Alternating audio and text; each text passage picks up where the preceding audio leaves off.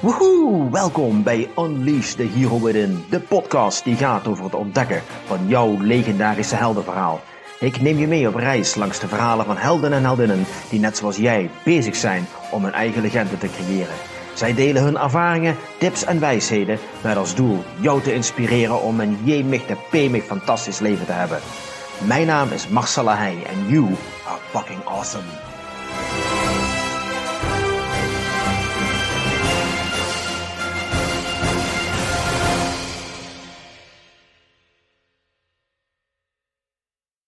Are you ready? Hey, are you ready for this? Are you hanging on the edge of your seat?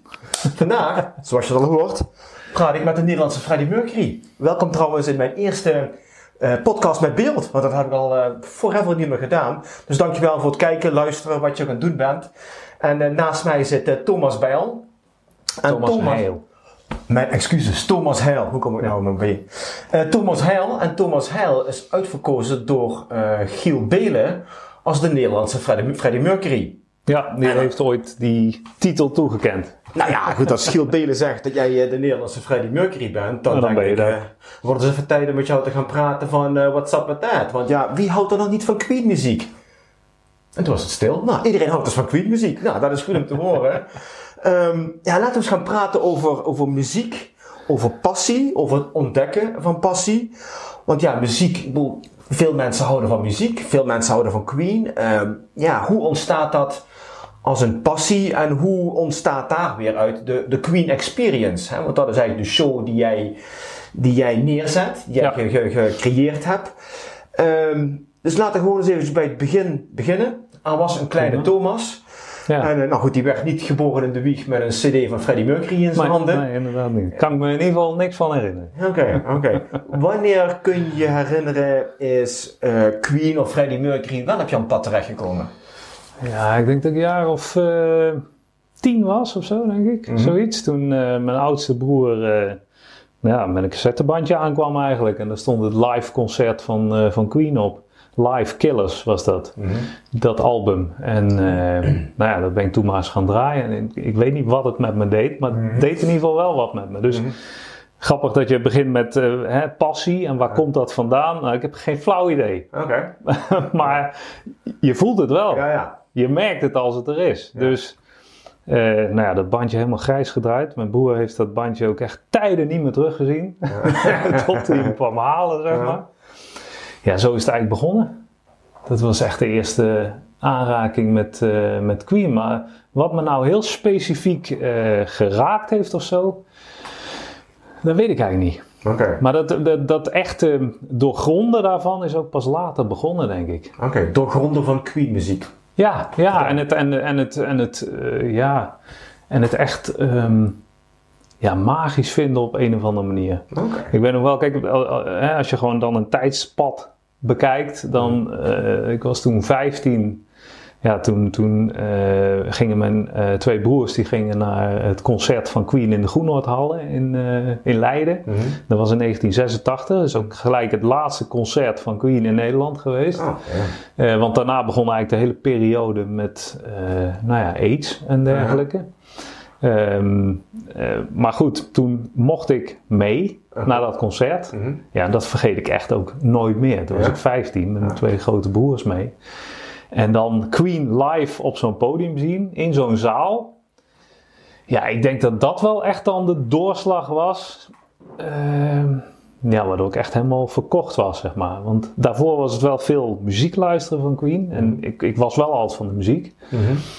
Maar het grappige is dan ook wel dat daarvoor heb ik gewoon zeven jaar blokfluit gespeeld of zo. Dus hmm. er zat wel muziek in, zeg maar. Ja, ja, ja. ja muziek was wel duidelijk al aanwezig. ja.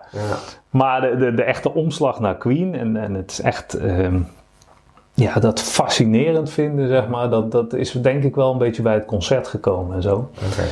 En um, als ik daar aan terugdenk, ook in 1985 was volgens mij Live Aid. Hmm. Uh, en ik weet nog goed dat, dat um, wij wilden dat op tv gaan kijken, maar toen was net op dat moment was de tv kapot. dus dat, dat zal je dan altijd zien. Uh, we hadden nog zo'n klein uh, zwart-wit tv'tje en nou, alleen maar sneeuw erop, maar wel het geluid. Nou ja, en ik weet dat ik daar gewoon voor zat. als, uh, als 14-jarige toen, zeg maar. Ja, om dat mee te maken gewoon. Dus, ja. ja, dus dat, uh, dat heeft wel een hoop losgemaakt. Oké, oké. nou goed, dan kan ik me voorstellen dat hè, muziek van Queen, heel veel mensen vinden Queen muziek mooi. Heel veel mensen zijn fan van Queen, draaien de muziek veel, doe jij ook. Maar op de een of andere manier is dat toch bij jou gebleven. Hè? Je hebt de, de diepgang daarin ontdekt.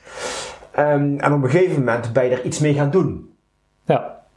Want de Queen Experience is ergens vanaf gekomen. Ja. Hoe heeft zich dat ontwikkeld? Hoe heb jij in jezelf ontdekt, of wanneer heb je in jezelf ontdekt, dat je iets met die muziek wilde doen?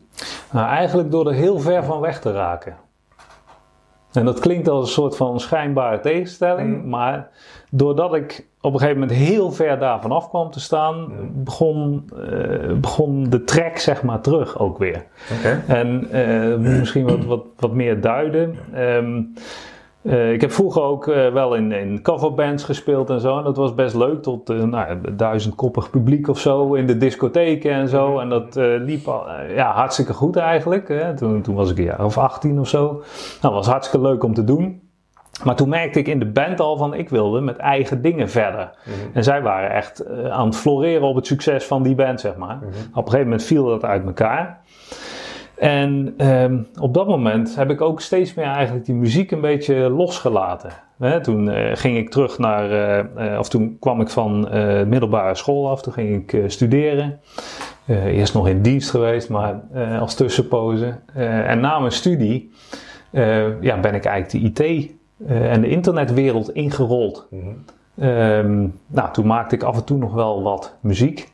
En het kriebelde nog wel. Uh, maar ja, eigenlijk de, de, de toelatingen bijvoorbeeld die ik aan het conservatorium heb gedaan, die gingen niet door. Um, nou, ik, uh, ik, uh, ja, ik, ik heb ook wel bij de radio aangeklopt en zo. Om, om mijn, mijn demo's die ik dan in mijn eigen studiootje maakte, om daar te slijten. Mm -hmm. Dat bleek allemaal best wel moeilijk ook mm -hmm. bij de platenmaatschappij en zo. En op een gegeven moment werd ik zo druk met, uh, met werk. Ja, die muziek op de achtergrond ja. verdween eigenlijk. Mm -hmm. En juist omdat dat zo ver uh, op de achtergrond was verdwenen, kwam ik op een gegeven moment, pas op latere leeftijd, ineens tot het inzicht van, ja, wat ben ik nou eigenlijk aan het doen? Okay. Daar zit mijn grote passie, dat uh -huh. voel je, dat merk je. Dat... En um, als je dat dan weer terugvindt, nou ja, dan, dan, dan gaat die vlam weer vol aan. Oké, oké. Okay. Okay. En uh, nou ja, dat moment vergeet ik ook nooit meer dat ik weer terug op het podium was. Oké, okay, dan vertel, wanneer was dat moment en hoe is dat ontstaan? Ja, nou ja, uh, jarenlang als consultant in de IT gewerkt en zo, mm. uh, programmamanagement, projectmanagement, mm -hmm. um, muziek losgelaten. Toen kwam ik bij een bedrijf terecht waar ze heel erg um, waarde zagen in jou als persoon. Okay. Um, nou, ik, ik was mijn eigen persoon aardig kwijtgeraakt. Mm maar zij investeerden daarin, dus ik ben daar weer enigszins naar op zoek gegaan. En um, nou, toen was er een, een, heel mooi moment, echt een cruciaal moment ook wel. Dat um, um, wij deden altijd op de maandagochtend. We waren partner met een wat groter bedrijf. Wij waren met z'n tien ongeveer. Zij waren met 100 uh, ICT'ers. Mm -hmm. En dan deden we op de maandagochtend uh, deden we een update van ons bedrijfje als partner uh, in het ochtendoverleg, waar dan 100 man zat. Nou, en, uh, dat ging eigenlijk altijd heel regulier. Dan werd er iets verteld over de nieuwe projecten en mm. hoe het dan ging. En nou, iedereen een beetje achteroverleunen, net het weekend achter de rug. Uh, nou, lekker belangrijk wat jullie gaan mm. vertellen. Dus op een gegeven moment ehm, hadden we zo'n cyclus gemaakt binnen ons bedrijf. Van, nou, de ene keer vertel jij wat, de andere keer jij wat. En toen was het het moment dat een collega van mij, die zou daar maandagochtend staan. En ik was op weg naar kantoor in Enschede. En toen kregen we een appje binnen met z'n allen van ja, ik ben ziek, kan vandaag niet. Dus uh, uh, Mark, mijn collega, die uh, appte terug van ja, hey, wat gaan we dan doen met onze update? En ik voelde het gewoon, ik zeg nu moet ik het podium terugpakken. Ja, ja, ja. Dus ik appte terug, ik zeg, ik ga er wel staan. Heel grappig, want we kregen een berichtje direct van Marten. Wat ga je doen dan? ik zeg, ik bedenk wel wat. Ik heb nog drie kwartier te rijden. Uh, ik, ik bedenk wel iets.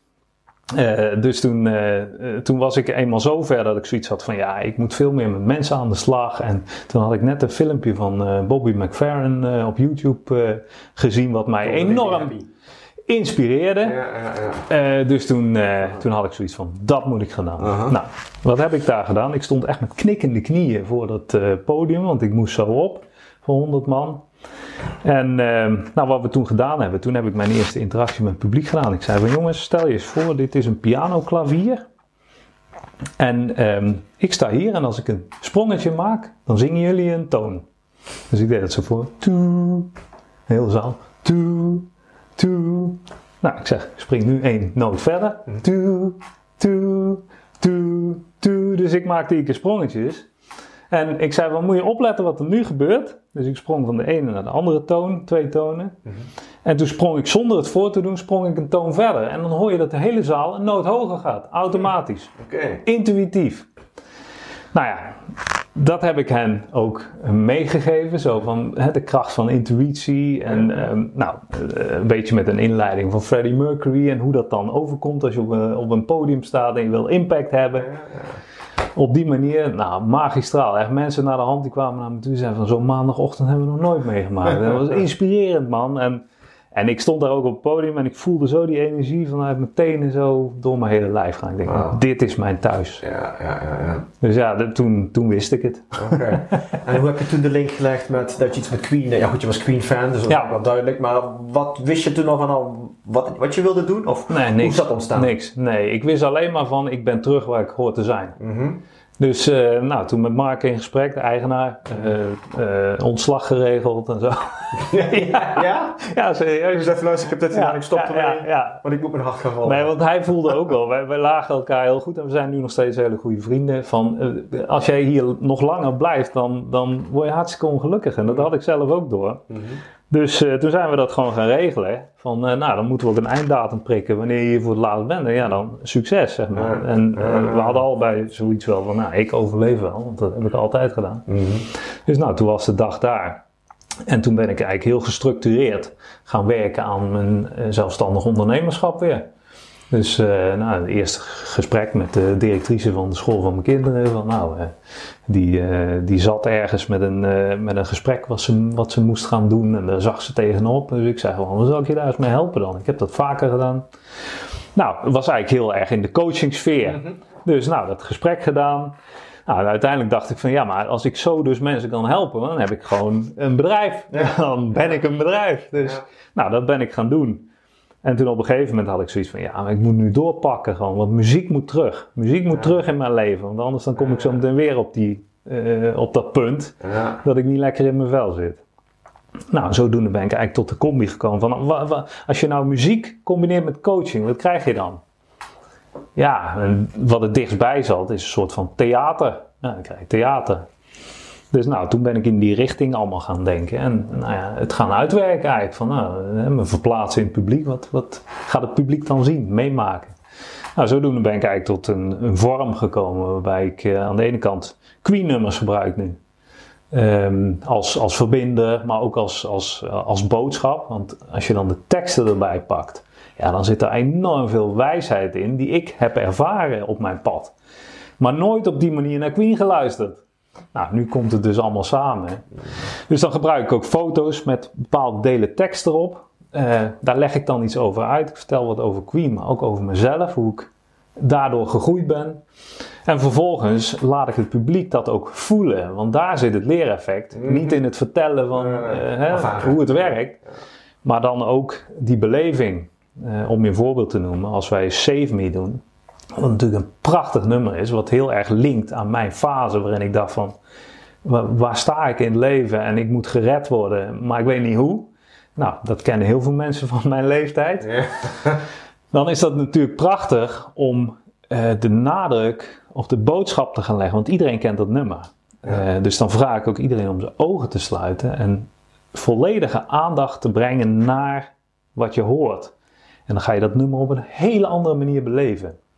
En dan, ga je, eh, dan vraag ik ze ook om op zoek te gaan in zichzelf naar van wat zijn nou die, die open eindjes bij jou, ja, waar je eigenlijk voelt van daar moet ik gered worden. Ja. Maar daar hoef je helemaal niet van gered te worden. Je moet er gewoon zelf mee aan de slag. Maar goed, dat is dan de eindconclusie. Dan heb je één pakketje met één nummer van Queen, met een boodschap en interactie. En zo bouw ik de hele set op eigenlijk tot anderhalf, twee uur. Oh, cool man. Nou, Ja. Ehm, dat doe je niet alleen, hè? Je hebt een Nee. eh, toetsenist, een pianospeler. ja, ja, ja. Je vertelde me straks, dat is ook wel een beetje een bijzonder verhaal eigenlijk. Ja, ja. Heet het Gio? Gio, ja. Gio? ja. Giovanni eigenlijk. Giovanni, oké. Okay. Altijd afgekort tot Gio. Oké, oké. Okay. En dan heb je Gino uh, opgedoken? Ja, nou ja, dat gaat ook dan weer terug naar het verleden. En het grappige is ook, door me te verdiepen Door die zoektocht te gaan starten en te zoeken in mijn verleden, kom je dan allerlei diamantjes tegen die je eigenlijk onderweg hebt laten liggen. Nou, Gio is er één van. Uh, die was vroeger kind aan huis bij ons.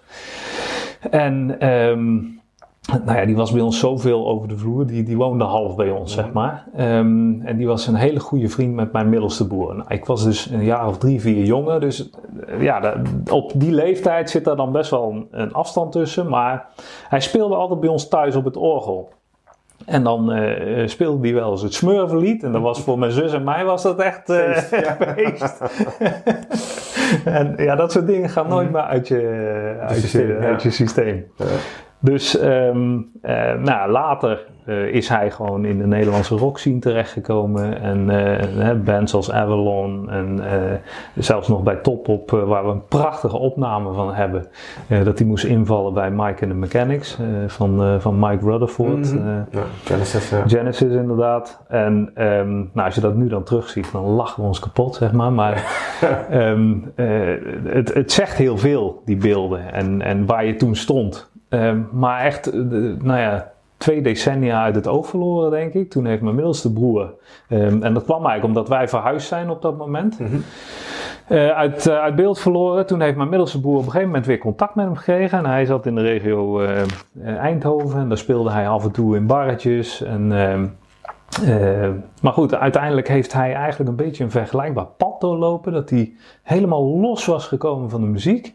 En precies op dat moment, vier jaar nadat hij uh, de muziek volledig had losgelaten, um, was ik zover dat ik zoiets had van ja, ik moet nu iemand erbij hebben om het te verrijken. Om het meer uh, ja, over te kunnen brengen aan anderen, die energie. Nou, zodoende kwam ik eigenlijk op de combi van ja, het mooiste vind ik eigenlijk dat we de Queen nummers zoals ze zijn afpellen tot de kern. Want dat is ook wat je zelf doet op dat moment. Je pelt jezelf af tot de kern. En wat, wat is er dan aan diamant over? Nou, als je die nummers van Queen dan afpelt tot alleen piano en zang.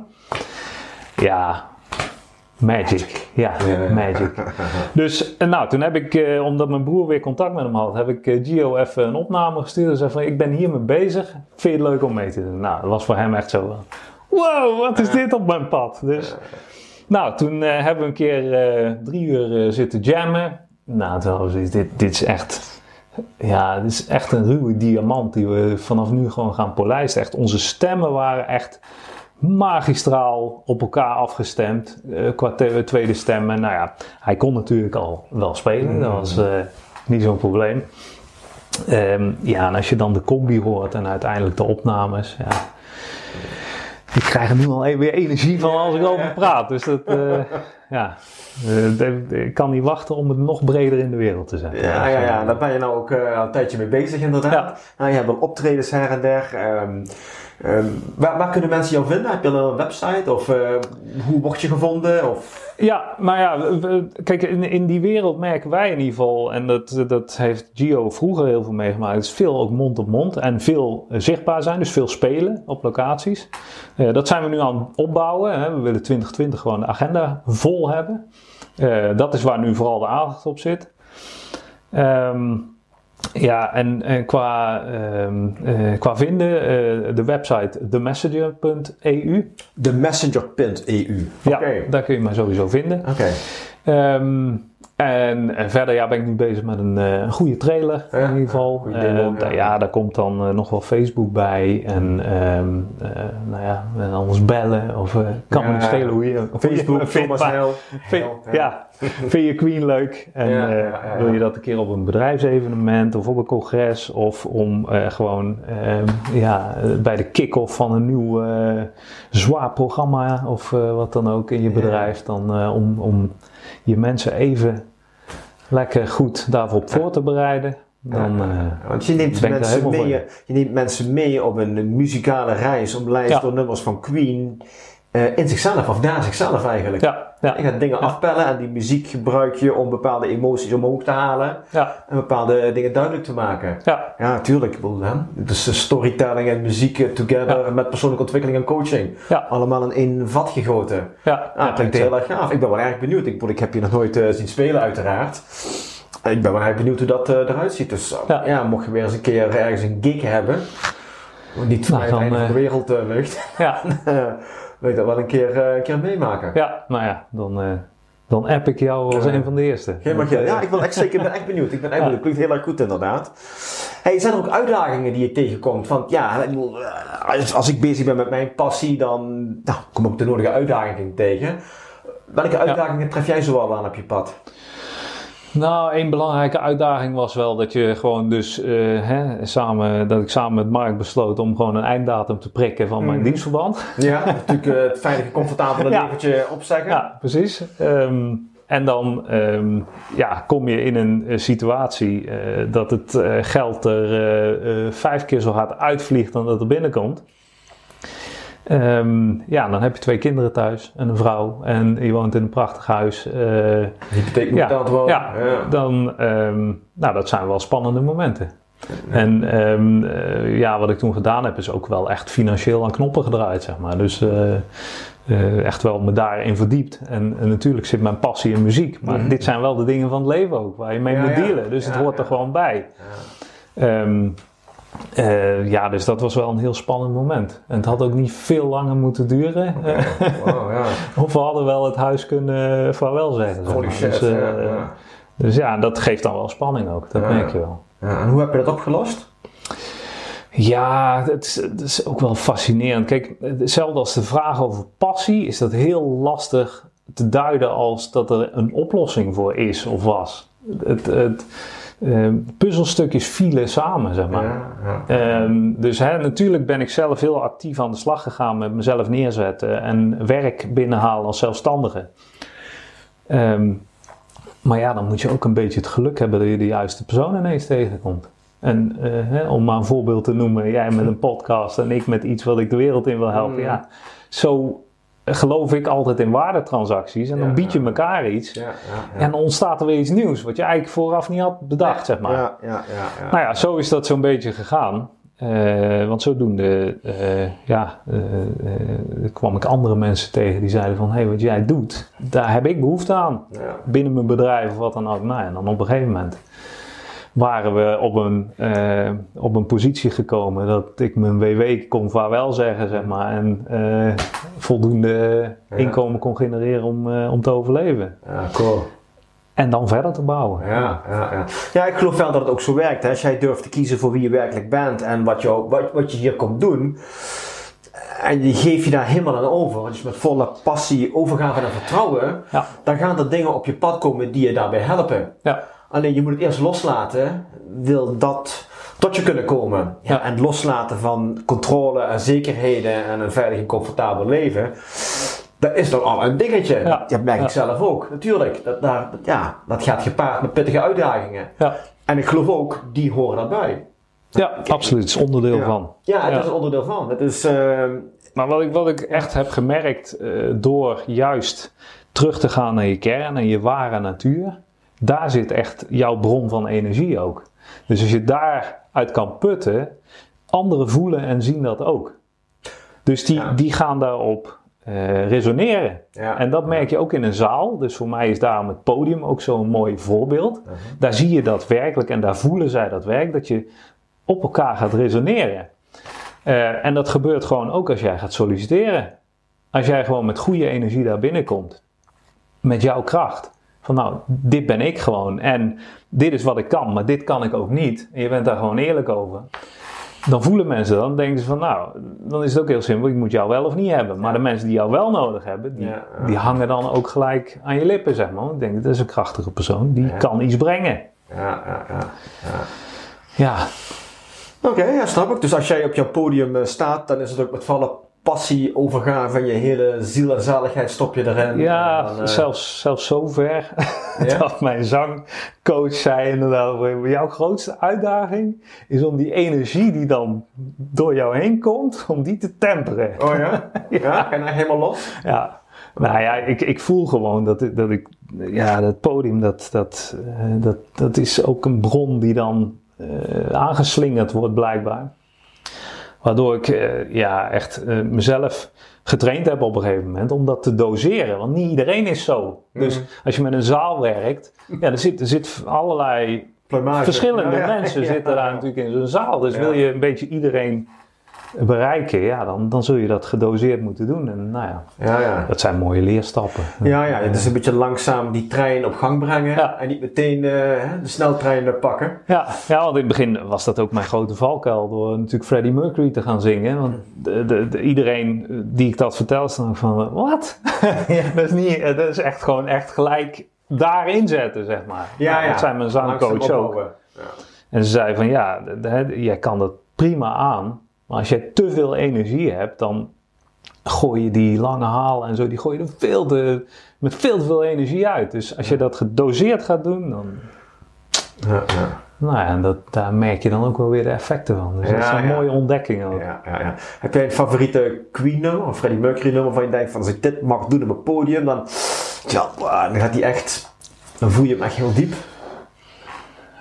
Um, ja en nee. Ik merk dat dat wisselt over de jaren. Hè, toen ik uh, een keer bij Giel Belen in de studio stond, toen was het Don't Stop Me Now. En dat is eigenlijk mijn hele leven tot nu blijven achtervolgen. dus iedereen uh, die nu uh, met mij over Cream praat, die begint gelijk over Don't Stop Me Now ook. Uh, en dat is natuurlijk een prachtig nummer. En ik gebruik het ook in mijn show, omdat het uh, hè, de, de, uitverkoren is tot het meest vrolijke nummer zeg maar, van, van de wereld. Is dat zo, ja? Ja, okay. ja. Dus dat is dan leuk ook om, om iets mee te doen. Maar ik vind nu bijvoorbeeld Save Me vind ik zo mooi. Uh, maar ja, ook, ook, ik, ik ben door dat afpellen ook wel tot andere ja, liefdes gekomen ja, met de muziek tuurlijk. eigenlijk. Ja, ja, want jij bent zelf ook in ontwikkeling. Jij groeit ook, Ja. jij ontdekt ook nieuwe dingen in jezelf en in, in je leven. Ja. Waardoor bepaalde deurtjes open gaan. Ja. En je andere emotionele ervaringen gaat opdoen. Ja. Ja. En die kun je dan weer Exact. gebruiken in jouw show. Ja, Ja, precies. ja, ja, ja, dat is stoer, dat is stoer. Ja, dat is stoer, man. Hey, eh, ik weet dat je vandaag een beetje krap met tijd zit, dus ehm, we moeten een beetje gaan, eh, gaan inkorten. Dat vind ik niet erg. Ehm, en jouw passie is duidelijk, eh, jouw reis is ook duidelijk, eh, waar je naartoe wilt, ja, kristalhelder. Ik, vind echt, ik kan niet wachten om jou een keer eh, live te zien in zo'n show. Ik wil je absoluut straks ook hebben in de Heroes Hangout, maar uh, mogen duidelijk Ja, zijn. cool man. Ja. Ja, het is, Ja, ik, ik zei vorige keer al, we moeten het misschien een keer omdraaien. Dat ik jou interview. Want jij hebt ook van alles te vertellen. Ja, ja, zeker, zeker, zeker. Nou ja, zodra jij je eigen podcast show hebt, let me know. Dan ben ik graag een keer te gast in jouw show. Leuk. Ja, eh, maar ik vind het ook altijd heel erg belangrijk om eh, de mens achter, achter Thomas eh, beter te leren kennen. Dus ik heb eigenlijk een soort ja, lijstje met vragen. Normaal gesproken kies ik er eentje uit, maar ik denk doe het een keer anders. Laat jou er eentje uitkiezen. Ik heb 25 vragen. Noem eens een nummer op tussen de 1 en de 25. Oké. Ja, dan het eerste wat me binnen schiet is 13, dus dat moet ik dan ook zeggen. 13. Ah, oké. Naar wie kijk je tegenop en waarom? Naar wie kijk ik tegenop en waarom? Ik ga niet zeggen Freddie Mercury, want dat weten Nee, we al. naar mijn jongste zoon. Oh, Ja, en die kijkt waarschijnlijk op naar mij. Maar ehm, ja, mijn jongste zoon, eh, die, die, eh, die kan eh, echt nog, nog honderd keer beter op een podium staan als ik. oh ja? Ja. ja. Doet hij dat ook altijd? Ja, ja, ja. ja. Ook muziek? Ja, de dans vooral. Ah, dansen. Maar hij kan ook wel lekker zingen en zo, maar dat, dat, dat durft hij nog niet helemaal bloot te geven. Mhm. Maar eh, de, de, het gemak waarmee, waarmee hij op zesjarige leeftijd een podium betrad, waarbij er 400 man in de, in de zaal zat, zeg maar, Mhm. in een theater, ja, daar keek ik wel echt tegenop. Toen dacht ik van, ja, zo moet het zijn, zeg maar, als je op een podium stapt. En dat doet me dan niet weer denken aan die knikkende knieën toen ik weer voor het eerst terug was op een podium. Ja. En dat vind ik toch altijd wel fascinerend. En ik gebruik het nu nog ook wel eens als voorbeeld van hoe je dus als je die ware natuur verliest op een gegeven moment, wat dat dus met je doet op het moment dat je hem terug moet gaan winnen. ja, dan sta je gewoon met knikkende knieën ervoor. Ja, ja. Het is alsof je uit het zadel bent gevallen en je bent uit het zadel geweest en dan moet je weer terug het zadel inklimmen. En hoe doe je dat dan? Ja. Je bent het helemaal kwijt. Ja. Terwijl je het voorheen vanuit je ware natuur gewoon deed. Ja. Hè? Jong en, en je doet maar wat. Ja, dat helpt zo enorm om, om gewoon natuurlijk en, en, en met volle kracht iets te kunnen geven aan anderen. Nou, dat zie ik dan iedere keer terug bij mijn jongste zoon. Dan denk ik, ja, Dat is cool. de dag dat ik weer zo ver ben, dat ik gewoon het podium opstap en, eh, en ga zonder enige gevoel van, van spanning. Ja, dat ben ik nu aan het, aan het bereiken, zeg maar. Vind je het altijd spannend als je weer het podium mag betreden? Nou, nu niet meer. Nu is het omgezet in gezonde energie, zeg maar. Ja, ja. Maar de eerste paar keer. En, en hoe komt dat? Omdat je je continu richt op die buitenwereld. En niet op wat er Ja. bij jou van binnen zit. En die buitenwereld, ja, die, vindt, die vindt natuurlijk van alles. En die, ja, als je daarmee bezig gaat. Ja, dan ben je met jezelf bezig wat jij te geven hebt. Nee. Ja, Ja. ja. dat klopt. Dat eh, herken ik ook wel als ik het podium op ga. En dat maakt je angstig. Eh, ja, ja, ja, ja, ja. Terwijl in de praktijk valt het altijd mee. Zeker Ja. als jij daar gewoon met kracht staat, want dan vindt iedereen het geweldig. Ja. Dan denk je, hé, hey, die. eh, Ja, focus op jezelf en wat je Ja. te brengen hebt. ja, Ja, absoluut. Ah, dat is mooi. Ik ben benieuwd wat, je, wat voor pad jouw zoon gaat bewandelen. ja, Als hij al zo vroeg eh, ja, zo'n talent daarvoor heeft. Ja, zo'n natuurlijk talent. Ja, dat is wel Ja. heel bijzonder inderdaad. Ja, kijk, dat is het grappige. Daar ontstaat een nieuwe angst bij mij natuurlijk. Dat hij dat gaat verliezen. Oké. Want ik zie dat ook in mijn coaching natuurlijk bij zoveel mensen terug. En dat dat op een gegeven moment dan leidt tot stress en burn-out. Ja. Want al die spanningen, ja, die worden alleen maar groter. Ja, ja, ja, ja, ja. En dan neemt Dus- angst toe en dan ben je Ja. helemaal bang om datgene te gaan doen wat je eigenlijk hoort te doen, want dan moet je dingen loslaten. En dat is nog beangstigender. Ja, ja. Ja. ik snap het. Neerwaartse spiraal, hè? En als ouder moet ik dan opletten dat ik niet nu al probeer te gaan corrigeren of zo. Want dat maakt juist alleen maar een averechts effect. Ja, klopt. Je moet zijn eigen Dus hij is een enorme spiegel voor mij. Van, jongen, Ja. blijf bij je leest. Oké, cool. Alright. Geef nog eens eentje. Eh, drie. Drie. Waar word je bang van? Ah, dat dus. Ehm, nee, ja, waar word ik bang van? Ehm, waar word ik bang van? Een interessante vraag ook. Ja, er schiet van alles door mijn hoofd, merk ik. Ehm, ook wel weer een, een mooi moment. De, eh, ik weet niet of het helemaal goed raakt met de vraag. Maar wat ik wel een heel interessant moment in mijn eigen leven vond, is ehm, toen, ik, hè, toen wij onze eerste kind kregen. En eh, nou, wij vlogen nogal eens ergens naartoe met een vliegtuig. En de eerste keer dat onze baby meevloog, zat ik echt compleet anders in een vliegtuig. Eh, dat verantwoordelijkheidsgevoel eh, overmande zich, zeg maar. Mhm. Dat ik echt eh, ja, een beetje zo in een vliegtuig zat ineens. Terwijl ik voorheen altijd gewoon Lekker relaxed, ja. relaxed naar buiten kijk. En dan zit je met zo'n zo'n klein dingetje waar je een, le- een levend wezentje, zeg maar. Ja. Ja, en dan gaat er ineens van alles door je heen wat je vooraf niet kende, zeg maar. En dat, dat beangstigde mij toen wel. Nu, ja, op een gegeven moment overwin je je angsten natuurlijk. Maar Wat houdt je s'nachts wakker? wat houdt mij s'nachts wakker? Ja, dat mijn kinderen iets gebeurt. En dat kan soms in een heel klein hoekje zitten. Maar eh, ja, dat houdt me wakker. Ja, het, is eigenlijk allemaal te groot. Er zijn eigenlijk geen dingen die mij echt wakker houden. Ehm, maar dit zijn wel dingen die af en toe door mijn hoofd spelen. Maar ja, ik ben ook wel in die zin een man echt van het leven, denk ik. Dus het leven zit vol met verrassingen. En dat kan eh, mooi zijn en minder mooi. Ja, en het komt op je pad. En daar doe je niks aan. Het is er ineens. Ja. Ja, en dan moet je ermee dealen. Ja. Ja, ja. Dus ik laat me daar eigenlijk niet s'nachts door wakker houden. Eh, Maar er zijn natuurlijk wel bepaalde spannende dingen die af en toe door je hoofd spelen. Ja. Ja, ja. ja kan Maar dat is ook wel iets wat ik eh, zo min mogelijk probeer te doen. Dus ehm, mijn hoofd is wel echt de, de vertaler van mijn zintuigen. En eh, mijn hart is degene die spreekt en leeft. Oké. Dus ik laat me niet, eh, dat laat ik niet door mijn hoofd overnemen, Ja, zeg maar. ja, ja. Dat zeg je heel mooi. Ja, ja dat beschrijf je heel mooi inderdaad. Ja, ja dat is cool. Dat is cool. Zeker of ik een vraag kan bedenken van jou. Ehm, En deze hebben de ongevallen erop. Stel je voor dat je te horen krijgt dat je nog maar één jaar te leven hebt. Wat zou je dan gaan doen? Wat zou ik dan gaan doen? Goh, dat zijn echt ingewikkelde vragen. uh, maar dat heeft denk ik ook wel met mijn karakter te maken. Um, er schiet echt zoveel door mijn hoofd bij dat soort dingen.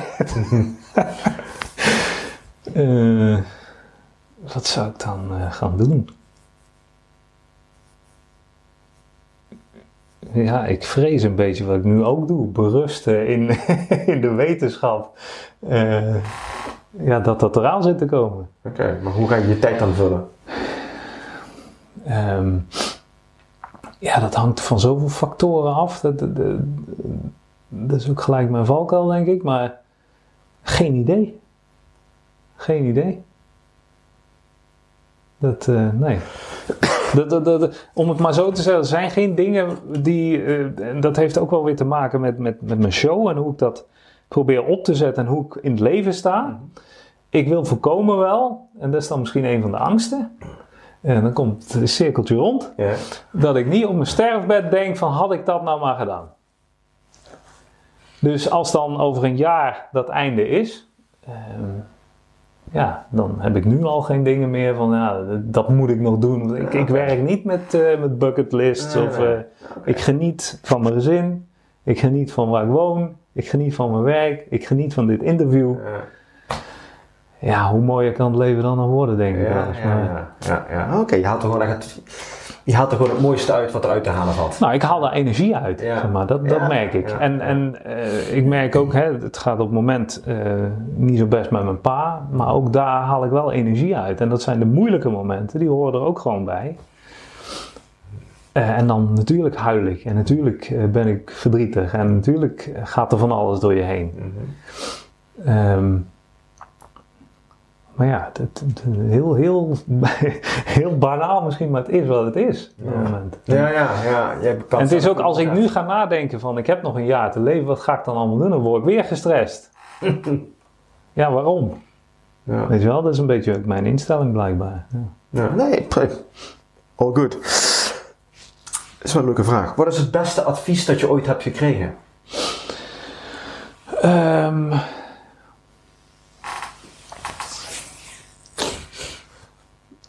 Ja, het, het, uh, het zijn echt van die ingewikkelde vragen voor mij, merk ik. Uh, want er schiet echt de 101 dingen door mijn hoofd gelijk. Pak het eerste. ja. ja, het eerste. Maar dan betrek ik het gelijk even op, uh, op, mijn, uh, mijn op de zakelijke wereld, zeg maar, waar ik in gewerkt heb. Mm -hmm. op een gegeven moment had ik een, een, coach. We hadden een, een, een uitvinding gedaan. en daar hadden we hulp bij nodig om die op de markt te zetten. En hij was exportdirecteur bij Heineken met een enorm netwerk. En uh, en hij adviseerde ons toen, uh, op een gegeven moment toen we bij hun zaten, van joh, als je in een organisatie dit wil laten landen, dan moet je niet naar de hiërarchie kijken mm. zoals die op papier staat. Hij zegt maar, je moet naar de, naar de relatiehierarchie uh, kijken en die moet je ontdekken. Wie heeft contact met wie? Wie beslist over wat? En dat zijn meestal niet de poppetjes die in de hark hangen. Mm. Hij zegt dat moet je door contact met die mensen en te verbinden, Voelen. vind je dat wel uit. Want uiteindelijk gaat ook een CEO of zo, die gaat te raden bij zijn expert om hem advies te geven en dan neemt hij pas een beslissing. Ja. Nou, ja. dat soort dingen okay. heb ik wel meegenomen, in ieder geval in mijn zakelijke kant van het leven. Oké. Oké. Dat vind ik ook een mooie vraag. Ik heb hem vaker gehad bij mensen. Wat was de mooiste dag van je leven en wat was de donkerste dag van je leven?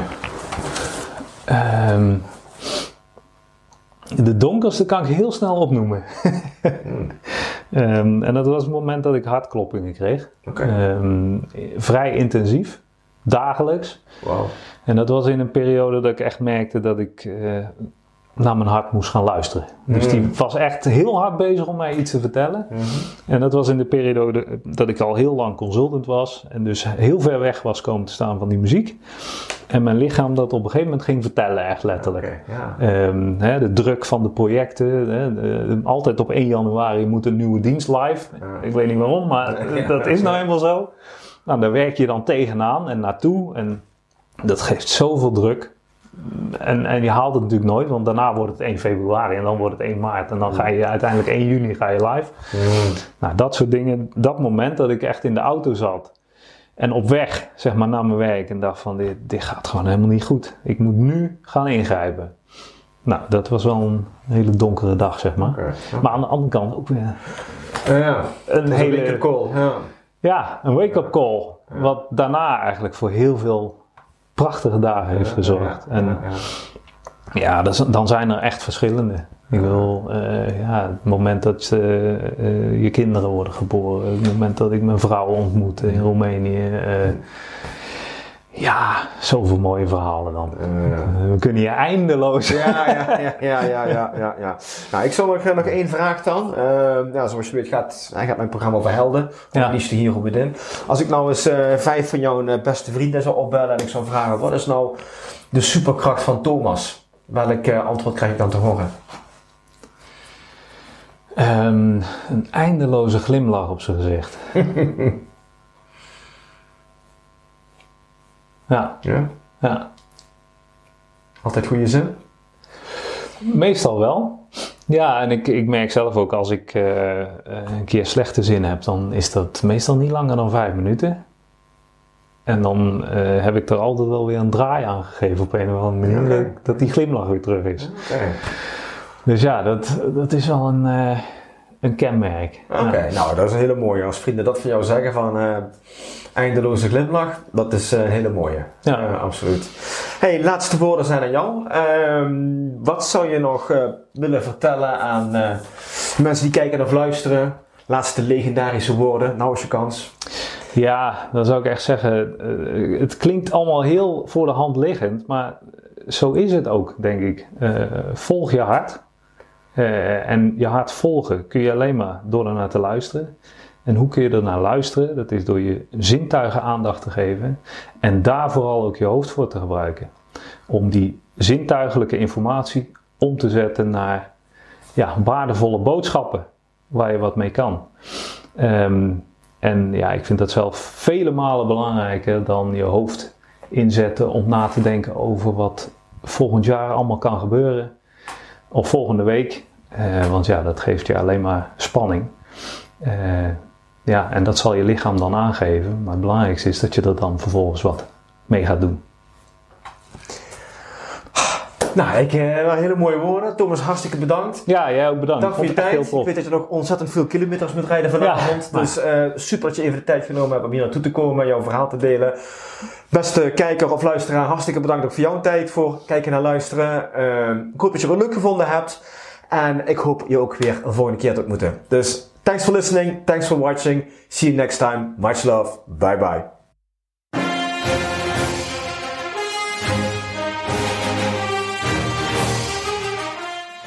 Ik hoop dat je net zoals mij weer hebt genoten van de mooie verhalen van mijn gast en er hopelijk iets aan hebt gehad.